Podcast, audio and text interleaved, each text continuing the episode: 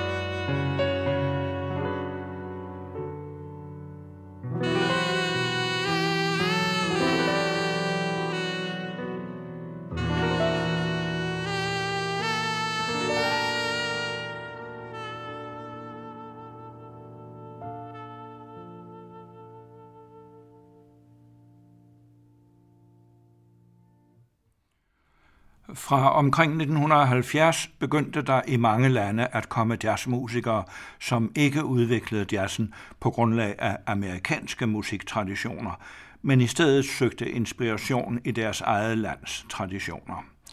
En af de betydeligste er den norske sopran- og tenorsaxofonist Jan Gabarek, der, som vi hørte her, fik sit store internationale gennembrud som medlem af Keith Jarrett's kvartet. Deres første album sammen, Belonging, er en milepæl i jazzen. Keith Jarrett gjorde det helt usædvanlige for en amerikansk toppianist, at han ikke bare inviterede Jan Gabarek med i sin nye kvartet, men også Gabareks to norske akkompagnatører, bassisten Palle Danielsson og trommeslageren Jon Christensen. Gabarek spillede en 4-5 år med Keith Jarrett, men dannede så også sin egen internationale kvartet, som vi her skal høre i Gabareks komposition Brother Wind March, en fanfareagtig klingende melodi med rødder i traditionel norsk musik.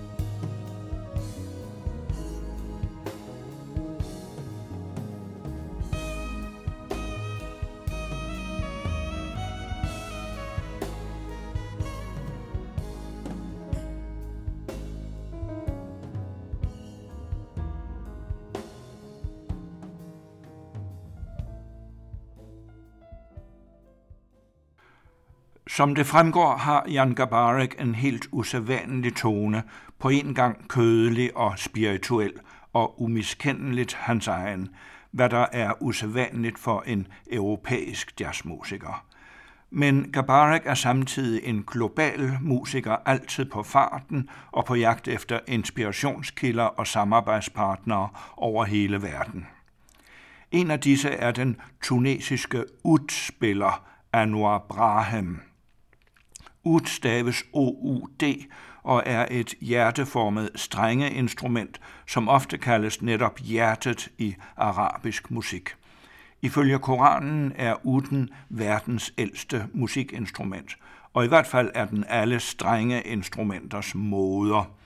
I vores del af verden blev uden fortrængt af gitaren, som er en mere primitiv variant af det forfinede arabiske instrument.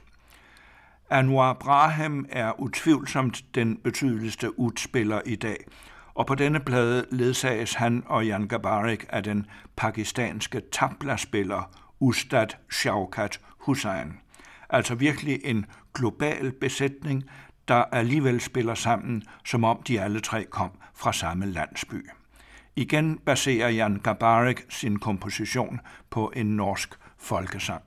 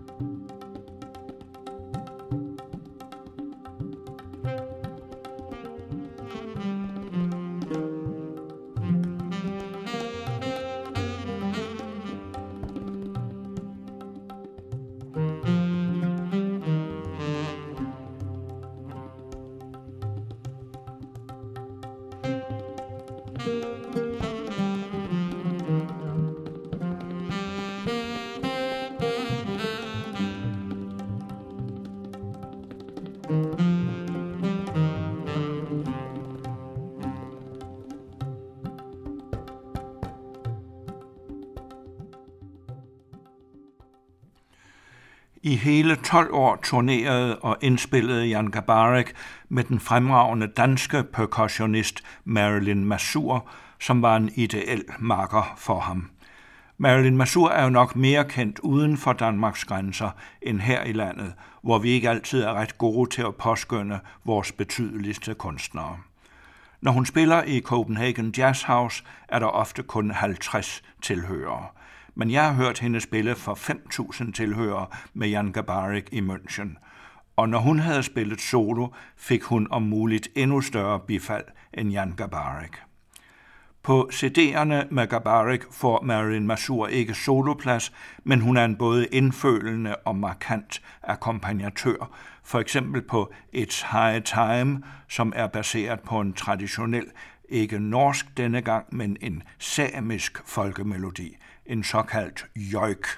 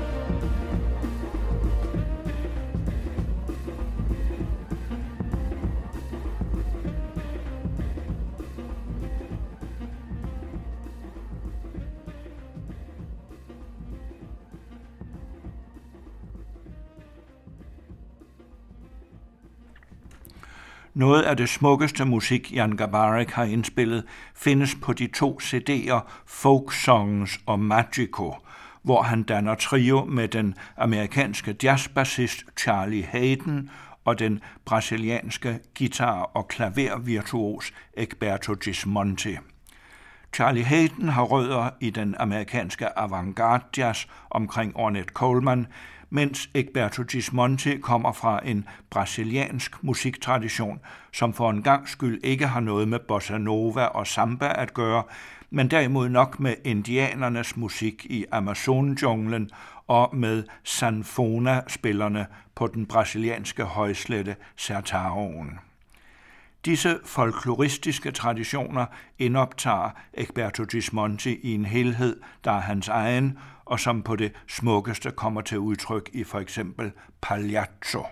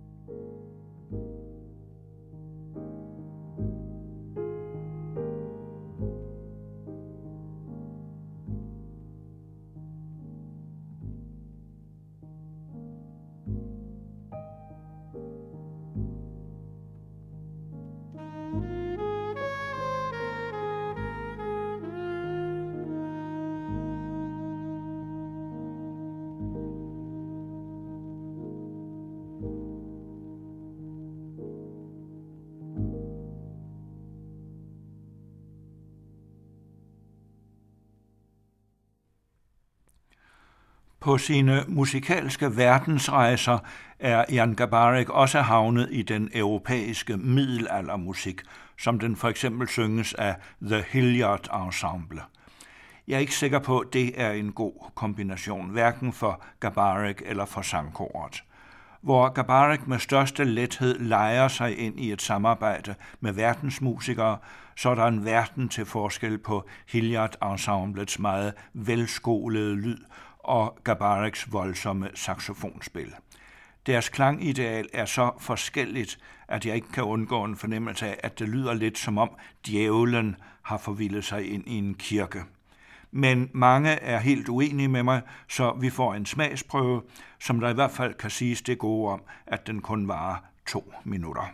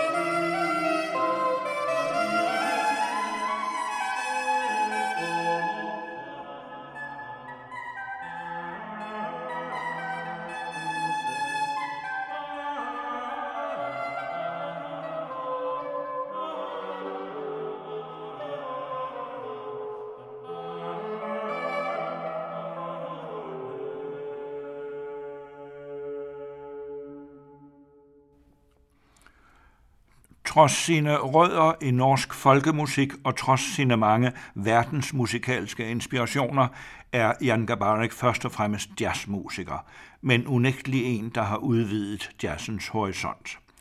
Blandt hans mange indspillinger er også en med en amerikansk drømmekvintet, bestående af pianisten Chick Corea, gitarristen John McLaughlin og trommeslageren Jack DeJohnette, her sammen med den fremragende tjekkiske bassist Miroslav Vitus, der faktisk står som gruppeleder.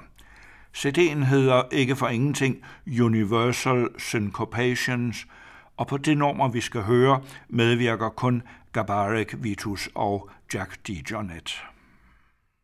thank you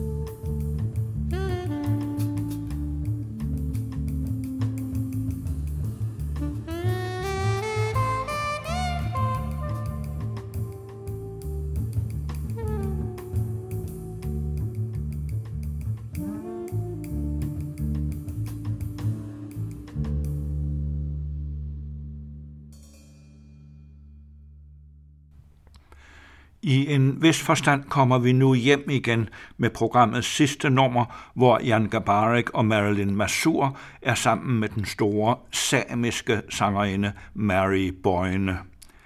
Samerne er jo et naturfolk, som bor i Lapland, altså den nordligste del af Norge, Sverige og Finland.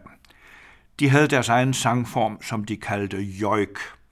Mary Boynes forældre var imidlertid strengt kristne, og de havde af kristne missionærer lært, at samernes traditionelle sange var djævelens værk. Så i hendes barndom var det forbudt at jøjke. Det var kun noget, man gjorde, når man var fuld eller alene med rensdyrene på fjellet. Men i sin sangkunst knytter Mary Bøjne an til samernes elgamle, socialt illesete kultur, samtidig med at et nummer som Evening Land på en måde er grænsesprængende.